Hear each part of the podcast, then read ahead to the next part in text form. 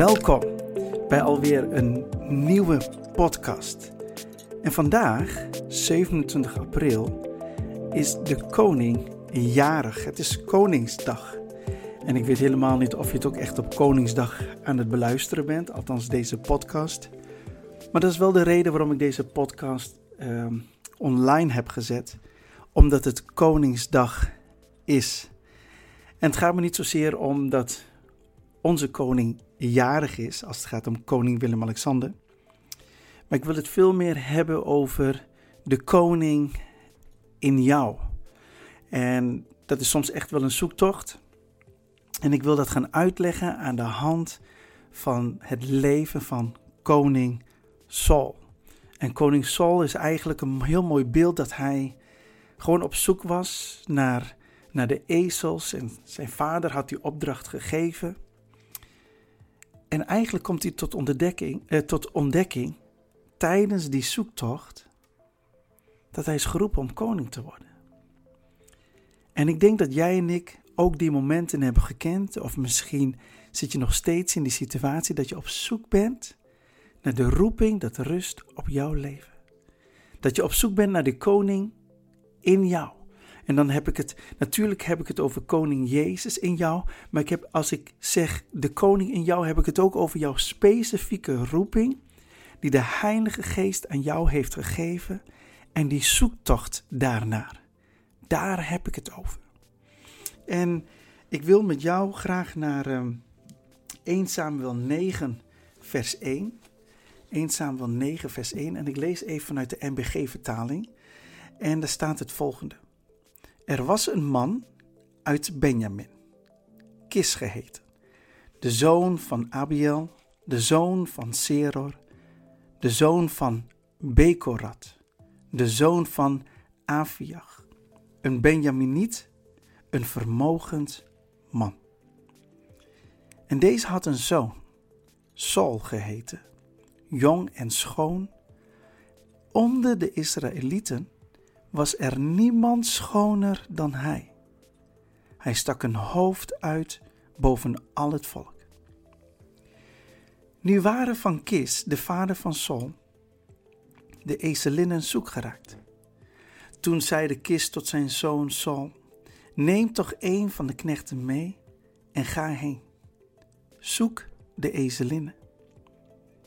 Hij trok het gebergte van Ephraim door ook trok hij door het gebied van Salisa, maar zij vonden ze niet. Daarna trok zij door het gebied van Saalim, maar ze waren er niet. Daarna trokken zij door het gebied van Benjamin, maar zij vonden ze niet. En ik vond dit en vind dit gewoon een ontzettend een mooi beeld van bepaalde fases en momenten en seizoenen en zelfs gebieden waar wij doorheen gaan. In dat stukje wat we net lazen staat bijvoorbeeld in vers 3, er staat bijvoorbeeld het woord of de woorden zoek geraakt. In datzelfde vers staat ook het woord zoek. In vers 4 staan een paar dingen. Daar staat maar zij vonden ze niet. Zij vonden de ezels niet. He, Saul was aan het zoeken samen met zijn knecht, maar zij vonden de ezels niet. Er staat ook, maar zij waren er niet. En er staat er voor de derde keer, maar zij vonden ze niet. In welk seizoen zit jij nou dan? In welke fase bevind jij je dat je het idee hebt dat je wel degelijk concreet weet wat je aan het zoeken bent, oftewel een ezel, en je vindt het niet. Je hebt een concrete opdracht gekregen en je vindt het niet. Je hebt een concreet beeld van, van jouw doel, maar je vindt het niet. Je bent op zoek naar die baan, maar je vindt het niet. Je bent op zoek naar de roeping dat op jouw leven rust en je hebt het gevoel en het idee dat je het niet kan vinden. Je bent op zoek naar die koning in jou, maar zit hij er wel überhaupt? En zo kan een ieder zijn eigen zoektocht invullen. Soms zijn we op zoek naar kleine dingen, zijn we naar grote dingen, naar belangrijke dingen, minder belangrijke dingen. Maar ik denk dat jij me wel kan volgen als dit, hè, deze twee versen, dat, um, en dan bedoel ik met name die woorden die ik net heb genoemd, hè, zoek geraakt, zoek, maar zij vonden ze niet. Dat representeert een geestelijke fase in ons leven. Maar wat ik ook heb gezien, wat God ook doet, is dat je soms niet vindt wat je zoekt, maar dat je wel vindt wat je nodig hebt. Dus dat je soms niet vindt wat je zoekt, maar wel vindt wat je nodig hebt. En ik denk dat God dat ook bij jou doet en bij mij doet en bij ons doet. Dat we mogen vinden wat we echt nodig hebben. Dus ik wil je ook vandaag, wil ik je inspireren op deze Koningsdag om de koning der koningen te zoeken. En soms gebruikt de koning der koningen, zijn naam is Jezus, gebruikt hij hele natuurlijke situaties om te vinden waar je niet naar op zoek was. Saul zocht een ezel, maar hij kwam tot de ontdekking dat hij geroepen was om koning te worden. Hij vond de koning in hem. Oftewel, hij vond de roeping dat op zijn leven rustte. En het kan maar zo zijn dat ook jij in die fase terecht bent gekomen. Een fase die alleen maar de Heilige Geest in jouw leven kan initiëren. En misschien denk je, ja, weet je, zoeken naar een ezel, nou ja, weet je, dat is mooi voor het verhaal. Maar ik wil even iets verder gaan dan alleen maar dat Saul op zoek was naar een ezel. Een ezel had namelijk wel een hele specifieke functie in, in het Oude Testament. En ik ga gewoon even voorlezen. Het zijn twee punten. Kijk, ezels gelden als lastdieren met een belangrijke economische functie. Ezels gelden als lastdieren met een belangrijke economische functie. En het bezit van een ezel functioneert als de basis voor de economische zekerheid. Nou, ik zou hem eigenlijk heel makkelijk kunnen vertalen. Sommigen van ons die nu luisteren, zouden geen geld kunnen verdienen als ze geen auto zouden hebben. En die auto, dat is als het ware een ezel. En, en je hebt dat gewoon voor jouw dagelijks werk, heb jij een auto nodig om überhaupt jouw functie uit te kunnen voeren en daardoor het bezit van een auto functioneert dus eigenlijk als een soort economische zekerheid, want daarmee weet je dat je je werk kan doen en aan het einde van de maand je loon ontvangt. En dit gaat nou, dit is een simpel voorbeeld hè. En hier gaat het om een auto. Maar je kunt er van alles invullen. Wat voor jou belangrijk is voor een bepaalde economische zekerheid. Nou, en even vanuitgaande dat jij die auto nodig hebt. En je wordt ochtends wakker en je auto is weg. Nou, dat is mijn broertje, Michael, is dat echt overkomen. Dat hij gewoon ochtends uh, de deur uitliep. En nou ja, op zoek was naar zijn, auto, naar zijn auto. En zoiets had van, wacht eens even, waar staat die auto? Dus hij is naar binnen gegaan. En heeft zijn vrouw Manon gevraagd van, hé, hey, waar staat de auto? En Manon legde uit, nou daar en daar moet die auto staan. En die auto stond er gewoon niet. Die was gestolen. Nou, en als je met hem praat en, en dat hij ook gewoon dat je hem hoort vertellen van gewoon de verontwaardiging. Een auto is toch niet zomaar weg. En ook voor hun, net zoals voor jou, net zoals voor mij, net zoals voor, voor ons, is een auto gewoon belangrijk. En soms niet alleen maar om uh, geld mee te verdienen. Maar goed, ze hebben drie kids. Ehm, dat is best wel fijn als je dan een auto hebt, uh, als je je moet verplaatsen. Soms voor boodschappen, voor andere dingen. Of om iemand dienstbaar te zijn als je iemand moet wegbrengen. Oké, dat beeld is helder hè. En dan is die auto in één keer weg. Nou, dat is eigenlijk wat er gebeurde bij Kis. En Kis is een vermogend man.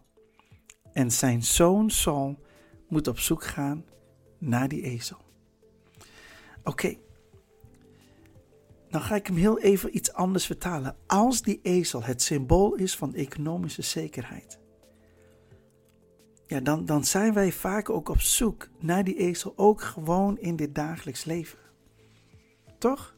Dat is toch het meest eerlijke, dat we ook die economische zekerheid hebben. En is dat dan raar, Melvin? Nee, helemaal niet.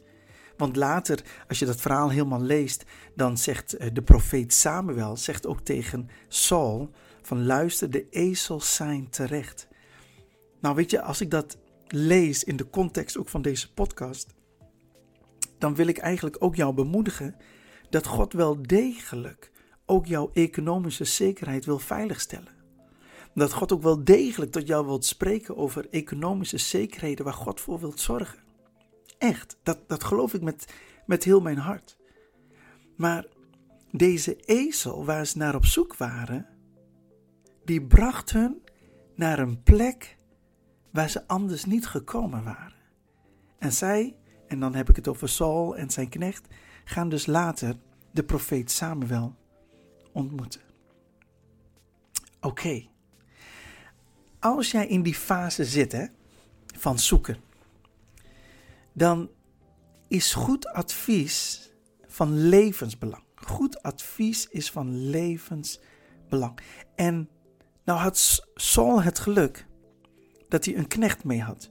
Want deze knecht, die zorgde echt voor goed advies. En er staat in 1 Samuel 9 vers 5 vanuit de MBG-vertaling. Toen zij in het gebied van Suf gekomen waren, zeide Saul tot zijn knecht, die bij hem was, Kom, laten wij terugkeren, anders zal mijn vader niet meer aan de ezelinnen denken, maar zich over ons bezorgd maken. En dan staat er in vers 6. Deze echter zeide tot hem, zie toch, er is in deze stad een man gods. En die man is hoog in aanzien. Al wat hij zegt komt stellig uit. Laten wij daar terstond nu tegelijk heen gaan. Misschien kan hij ons inlichten over de tocht die wij ondernomen hebben. Weet je wat ik zo mooi vind? Dit is ook wat ik je mee wil geven. In die zoektocht zegt de knecht iets tegen Saul. En wat ik mooi vind aan Saul is dat hij niet tegen zijn knecht heeft gezegd: Wat weet jij nou eigenlijk van de zoektocht? Of jouw positie als knecht. Ja, weet je, jij bent gewoon lager in rang dan dat ik ben. Waarom zou ik naar jouw advies luisteren? Dat is niet wat Saul zegt. Sterker nog, ze gaan doen wat de knecht adviseert. Ik vind dat een hele mooie houding. En weet je, soms gebruikt de Heilige Geest mensen die misschien in jouw ogen, hoe moet ik dat goed zeggen? Hè? Ik, ik hoop dat je voelt wat ik zeg. Die in jouw ogen lager in rang zijn. En ik ga hier echt geen mensen waarderen en een positie geven, maar soms heb je dat gewoon. En laat ik je nou een concreet voorbeeld geven. Soms zijn het de kinderen die God gebruikt, jouw kinderen, misschien wel zelfs jouw kleinkinderen, die God gebruikt om jou advies te geven. En dat je denkt, ja, weet je, wat weet jij nou van het leven? Hoe Waarom denk je dat je mij daarin kan adviseren? Of misschien adviseren ze je niet specifiek, maar misschien maken ze een opmerking waarvan jij denkt: hé, hey, Heilige Geest, bent u dat? Deze vind ik wat lastiger om te zeggen en toch zeg ik het. Soms spreekt de Heilige Geest zelf tot ons. En plaatsen wij zijn opmerking als een opmerking van een knecht. We luisteren niet altijd even goed daarna. En begrijp me niet verkeerd, ik zeg niet dat de Heilige Geest een knecht is. Maar wij interpreteren het soms als zodanig. En dat komt soms ook omdat we denken, ja, dat zal wel van mezelf zijn, maar onderzoek het dan. Onderzoek het dan. En heb in ieder geval die houding van, oké, cool. Weet je, ik, ik, ik hoor het. En dat deed Saul ook. Hij hoorde het en zei gewoon tegen zijn knecht, oké, gaan we dat doen. Kijk, en als, als de profeet Samuel niks te vertellen had, ja nou, dan ga je toch weer terug. Maar je kan het tenminste proberen. En als de Heilige Geest tot jou spreekt, ik zou je willen zeggen, Je kan het tenminste proberen, toch? En dat we het niet te moeilijk maken voor onszelf in onze zoektocht. Maak het niet te zwaar, maak het niet te moeilijk, maak het niet te geestelijk bijna zou ik willen zeggen. Van nee, want ik hoorde geen donderstem uit de hemel die tot mij sprak. Doe relaxed. Doe relaxed. Saul deed gewoon. En dat vind ik een mooie houding. En ik denk dat wij die houding in onze zoektocht ook moeten hebben. Want doordat Saul die houding had, kwam hij tot de ontdekking dat er een bijzondere roeping op zijn leven rustte. Kan je daar amen op zeggen? Amen. Wat ik ook mooi vind uh, om te vertellen, of in ieder geval met je te delen, is hoe belangrijk in jouw zoektocht die profetische, profetische salving is. Die profetische salving in de persoon uh, Samuel is ontzettend relevant. En ik geloof namelijk dat ook de machten der duisternis, dat zij de salving in de gemeente, dat ze de salving, de profetische salving willen en moeten killen om ons te stoppen. Want die profetische salving geeft namelijk richting. Die profetische salving geeft namelijk hoop. Die profetische salving geeft namelijk kracht, geeft antwoorden, geeft rust, geeft zekerheid, geeft duidelijkheid. En als we dat allemaal niet hebben, dan gaan we juist verwilderen. als, als visie ontbreekt, als openbaring ontbreekt, zegt spreuken, dan verwildert het volk. Maar als die openbaring er wel is vanwege de profetische salving, dan verwilderen wij niet. Maar dan is het makkelijker voor ons om in die wil van God te wandelen. En ja, het begon met een zoektocht, maar wij vonden uiteindelijk wat we echt moesten vinden. Weet je, en die profetische salving, weet je, ergens begint het ook uh, toch wel bij die knecht. Want eigenlijk is die knecht al gewoon profetisch bezig. Hè? Hij geeft wel advies van laten wij gewoon naar de ziener gaan. Laten we naar de profeet gaan. Die hier ergens in de buurt moet zijn. Maar dat alleen al, dat advies was meer profetisch geladen dan dat Saul en de knecht zelf konden beseffen. Dus ik ga even een paar punten noemen als het gaat om het belang van de profetische salving. En hoeveel heb ik er? Even kijken. 3, 4, 5, 6, 7, 8. 8 punten heb ik. Ik begin met de eerste. Advies wordt gegeven en opgevolgd van die knecht. Dat is 1 Samuel 9, vers 5 tot en met 6. En het tweede, het belang van de profetische salving, het tweede punt, is het advies ook praktisch in gang zetten. Word ook praktisch in jouw zoekfase. Zet het in gang. 1 Samuel 9, vers 10. Het derde punt. God heeft achter de schermen het een en ander al geregeld als het gaat om die ezels, die zijn al terecht. 1 Samuel 9, vers 15 tot en met 16. Het vierde punt. God heeft al voor de ezels gezorgd, want dat lezen we namelijk in 1 Samuel 9, vers 20. Dus God regelt dingen achter de schermen, maar ook gewoon dat ze straks gewoon Samuel gaan ontmoeten. De ezels, daar is al voor gezorgd. Dat is toch geweldig? Het vijfde punt. Het profetisch woord van God komt tot Saul. En dat is wat we echt nodig hebben. We hebben het nodig dat het profetisch woord van God door de Heilige Geest, door het woord, echt tot ons komt. In 1 Samuel 9, vers 27 kun je daar wat over lezen. In 1 Samuel 10, vers 1 tot en met 5. Dat is punt 6. Salving vindt plaats en tekenen worden kenbaar gemaakt. Die salving vindt plaats, echt die ontmoeting, die salving. Laat ik dat eens even opzoeken. In 1 Samuel hoofdstuk 10 daar voel ik wel een stukje waarvan ik denk dat de Heilige Geest daar ook een stukje nadruk op wilt leggen. 1 Samuel 10, vers 1 tot met 5. En er staat: Toen nam Samuel de oliekruik, goot haar uit over zijn hoofd, kuste hem en zeide: Heeft de Heer u niet tot vorst over zijn erfdeel gezalfd? Wanneer gij heden van mij zijt heengegaan, zult gij twee mannen ontmoeten bij het graf van Rachel in het gebied van Benjamin, te Selsag. Die zullen tot u zeggen, de ezelinnen die gij zijt gaan zoeken, zijn terecht. En zie, uw vader denkt niet meer aan het geval met de ezelinnen. Maar over u is hij bezorgd. En hij zegt, wat kan ik voor mijn zoon doen? In vers 3. Als gij dan verder trekt en bij de terebint van Tabor komt, zullen u daar drie mannen ontmoeten op weg naar God in Bethel.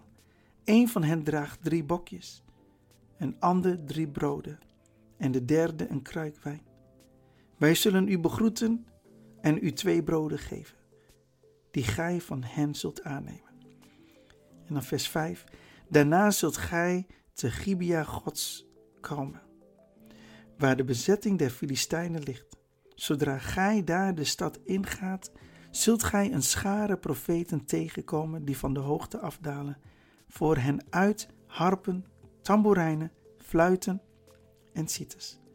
Zelf zullen zij in geestvervoering zijn. En vers 6 toch nog even, dan zal de geest des Heren u aangrijpen. Gij zult met hen in geestvervoering geraken en tot een ander mens worden. Die, die ontmoeting met de profetische salving, waarin we gezalfd worden, dat maakt ons tot een ander mens. Als de Heilige Geest ons begint te grijpen in die profetische salving, in die tegenwoordigheid van God. Wauw. Mooi hè? Waar was ik gebleven? Bij punt 7. Heb ik net al gelezen, 1 Samuel 10 vers 6. Door de geest wordt Saul een ander mens. Door de geest word je een ander mens. Niet alleen maar door kennis, niet alleen maar door theorie, niet, niet door theologie. De geest van God verandert ons. En dan staat er in 1 Samuel 10, vers 9, ga ik even lezen. Terwijl hij zich omkeerde om van Samuel weg te gaan, schonk God hem een ander hart. God schonk Saul een ander hart.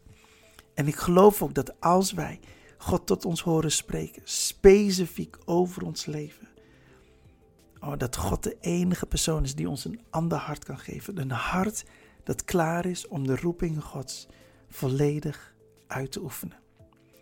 Op zoek naar die koning in jou.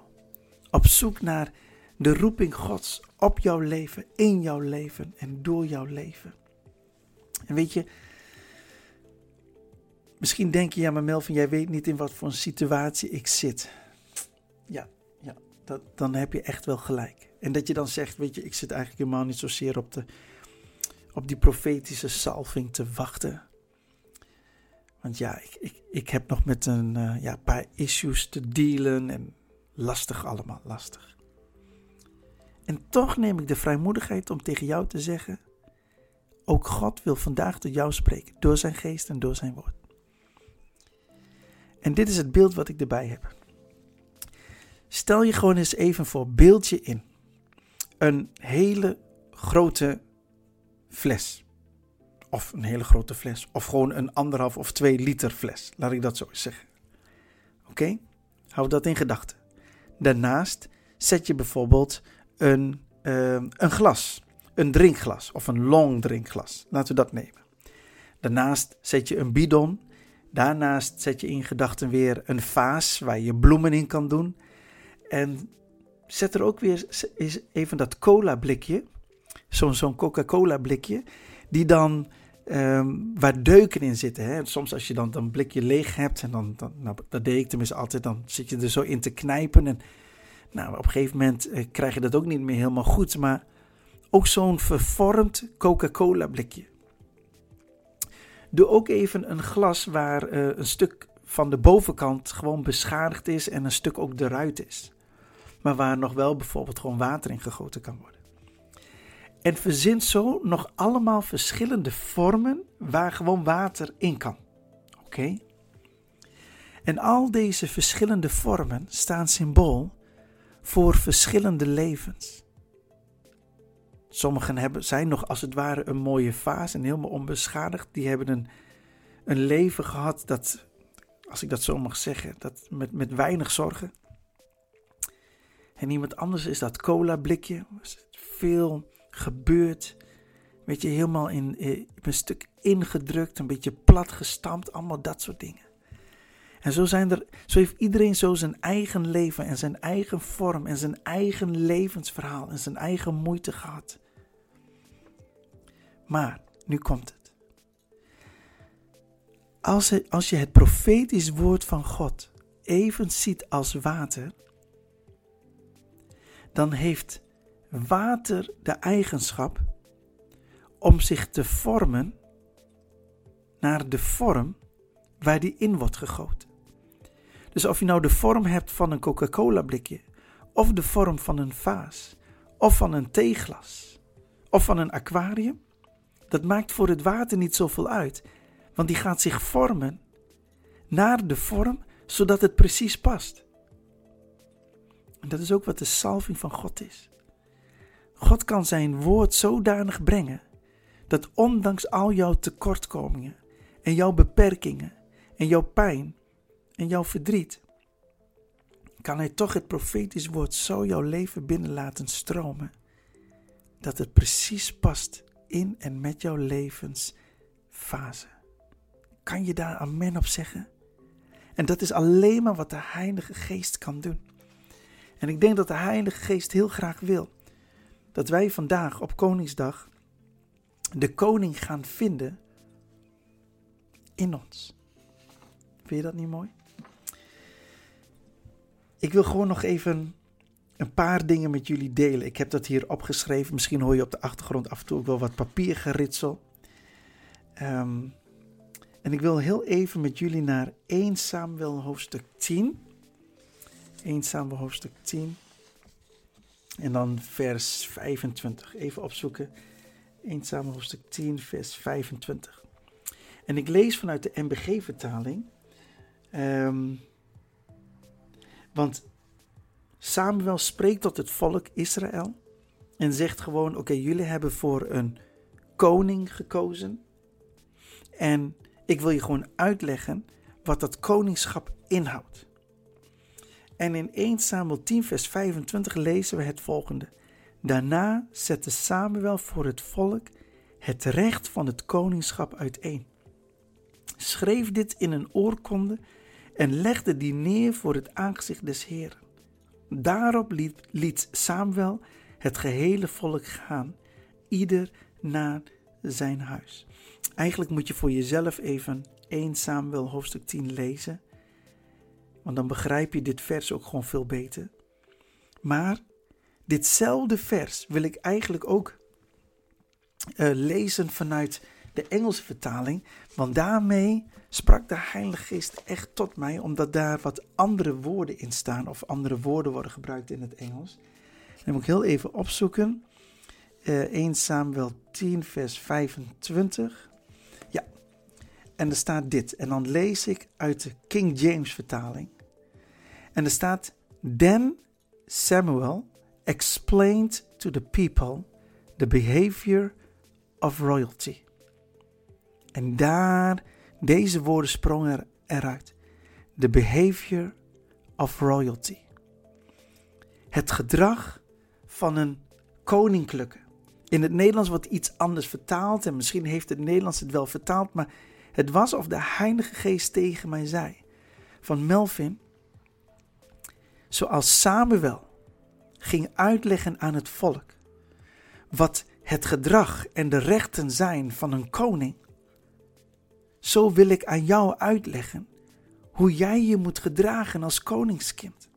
Ik wil je de behavior, het gedrag en je levensstijl en je denkwijze, die wil ik veranderen, want het moet naar een niveau van iemand die koninklijk is. Je bent een koningskind. En weet je, en er staat gewoon letterlijk dat dat werd vastgelegd. En, en het woord van God heeft vastgelegd wat wij als koningskinderen kunnen doen en mogen doen. Een van de dingen daarvan is: leg zieken handen op, wek doden op, werp duivelen uit, reinig melaatsen. Dat zijn koninklijke dingen. Dat zijn dingen wat normaal is om in te mogen wandelen als je een koningskind bent. En daarom voelde ik zo dat de Heilige Geest tot mij sprak. Zo van, je kunt wel een koningskind zijn, maar als je je niet gedraagt in lijn met mijn koninkrijk, dan, dan doet het je eigenlijk niet zoveel goed. En daardoor wil ik je hiermee bemoedigen en ook aansporen om het woord van God te lezen, omdat in het woord staat opgetekend hoe jij je als kind van God moet gedragen. Ik gebruik bewust het woordje moet. Hoe je je moet gedragen. Je bent een koningskind. Come on. Is dat niet bemoedigend? Ik vind in ieder geval van wel. En uh, dan wil ik nog iets met je delen. En dat kwam ook eigenlijk meer vanuit die Engelse vertaling. En dat is heerlijk. Hè? En ik weet zeker dat sommigen die, van jullie die luisteren, dat jullie ook wel eens de Engelse vertaling erbij pakken. Um, niet omdat het beter is, maar soms zijn die woorden gewoon even net iets anders. En ik heb dus even kijken, 1 Samuel 9, vers 24. Eens even kijken. Ja, die heb ik hier. Vanuit het Engels. En er staat: So the cook took up the thigh with its upper part and set it before Saul. And Samuel said, Here it is, what was kept back. It was set apart for you. Eat, for until this time it has been kept for you, since I said I invite the people. So Saul ate with Samuel that day. Um, wat hier gebeurt is eigenlijk dat Saul en zijn knecht zijn bij Samuel gekomen. En Samuel zegt gewoon: Oké, weet je, uh, hartstikke mooi dat je er bent gekomen. En God had al tot mij gesproken en we gaan samen eten. Nou, zo gezegd, zo gedaan. Op een gegeven moment zit ze daar aan tafel en de Bijbel zegt letterlijk dat Samuel kreeg, uh, Saul kreeg een ereplaats. En Samuel zegt tegen de kok, de koek, hè, of degene die het eten heeft voorbereid: haal dat stuk wat apart is gezet. Zet dat stuk vlees voor Saul. En dan staat er: Eat, for until this time it has been kept for you, since I said I invited the people. En dat stukje daarvoor daar staat: Here it is. Met andere woorden, hier is dat stuk vlees, om maar zo te zeggen. What was kept back. En hier komt de vertaling voor jou. Er is een portie, er is een deel, er is een roeping, er is een tijd en een timing en een moment die God apart heeft gezet voor jou. Saul, uh, Samuel zegt tegen Saul: It was set apart for you. Dus ik geloof namelijk dat in de geesteswereld dat er een deel is die de Heilige Geest voor jou apart heeft gezet. En dat de Heilige Geest tegen jou wil zeggen: Melvin, it was set apart for you. En dan staat erachter: Eat. En ik geloof echt dat God ons uitnodigt om samen met Hem aan tafel te gaan. Om dat deel van Hem te mogen ontvangen. En met Hem te mogen eten, oftewel fellowship met de Heilige Geest, relatie met de Heilige Geest. En dat we aan tafel met elkaar kunnen bespreken wat de opdracht is en wat we moeten doen. Aan die geestelijke tafel van God. En er staat: Eat, for until this time it has been kept for you. En ik heb hier met pen bijgeschreven: Until this time. Met andere woorden, er was een specifieke tijd. Er is een specifieke tijd en timing dat de Heilige Geest dingen aan jou begint te openbaren waar jij naar op zoek was. Sterker nog, dat je dingen vindt waar je niet eens naar op zoek was. Maar nu je het gevonden hebt, dat je denkt: oh cool man, dat ik dit van God heb ontvangen. Dus aan de ene kant, it was kept back for you. Met andere woorden, het was apart gezet. En aan de andere kant zegt God: maar nu is het de tijd om het aan jou te geven. Dus hier gaat het over tijd en timing. It was set apart for you. Nou, ik, ik vind dit zo cool. En dat op Koningsdag. En jij bent een koningskind. Man, ik, ik hoop dat je dit woord kan omarmen. Dat het iets met je mag doen. En dan heb ik nog één ding. Um, in 1 Samuel 9. En die ga ik even vanuit de MBG-vertaling lezen. 1 Samuel 9, vers 27. En er staat. Toen zij aan de grens van de stad gekomen waren, zij, dat is eh, de profeet Samuel, Saul en zijn knecht, zeide Samuel tot Saul, zeg de knecht dat hij voor ons uitgaat. Daarop ging deze weg, die knecht moest weg. Maar blijf gij, Saul, nu staan, dan zal ik u het woord Gods doen horen. Jij moet blijven staan. Saul zegt tegen je knecht dat hij moet gaan en jij blijft staan en dan zal ik je het woord van God geven. En toen ik dit las, was het net alsof de Heilige Geest tegen mij zei: In jouw zoektocht, en als ik profetisch tot je spreek, kun je soms in je leven ervaren dat bepaalde mensen die bij je zijn geweest, voor een bestemde tijd even worden weggestuurd. Waarom? Nou, om ze in ieder geval wel weer later te ontmoeten, want die knecht ontmoette later Saul, dat, daar ga ik even vanuit. Hè. Maar dat God persoonlijk tot jou gaat spreken en dat jij ook de enige bent die het hoort. Zodat je alleen maar kan leunen op het woord van God en niet meer kan leunen op je knecht. Dat je niet meer kan leunen op de mensen die erbij waren. Dat je niet meer kan zeggen van weet je nog, tijdens die dienst, daar was jij toch bij. En dat iemand zei, nee, daar was ik niet bij. Daar was ik niet bij. En ik geloof dat God fases in ons leven heeft. Dat wij alleen het woord van God ontvangen. En dat God bewust mensen wegstuurt. En dat God bewust jou alleen wilt. Zodat je maar één ding kan doen. Je kan alleen nog maar leunen op het woord van God.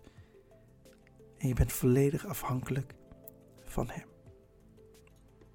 Ik geloof dat de Heilige Geest tot jou heeft gesproken vandaag.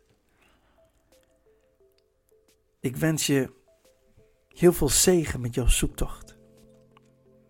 Maar als je die samen met de Heilige Geest gaat doen, ga je die zoektocht ja, hoe moet ik dat zeggen? Dan ga je vinden wat je zoekt. Ook al was je er niet naar op zoek. Heilige Geest, dank u wel voor dit moment. Dank u wel voor uw goedheid en uw trouw, uw genade, uw hulp, uw sterkte en uw kracht. En ik wil u gewoon vragen, Heilige Geest, wilt u elke luisteraar helpen en ondersteunen? Om gewoon echt samen met u die zoektocht aan te gaan. Dat we opnieuw een besef mogen hebben dat we uw profetische salving nodig hebben. Dat u zorgt voor onze economische zekerheid, maar dat we vooral op zoek moeten gaan naar de koning in ons.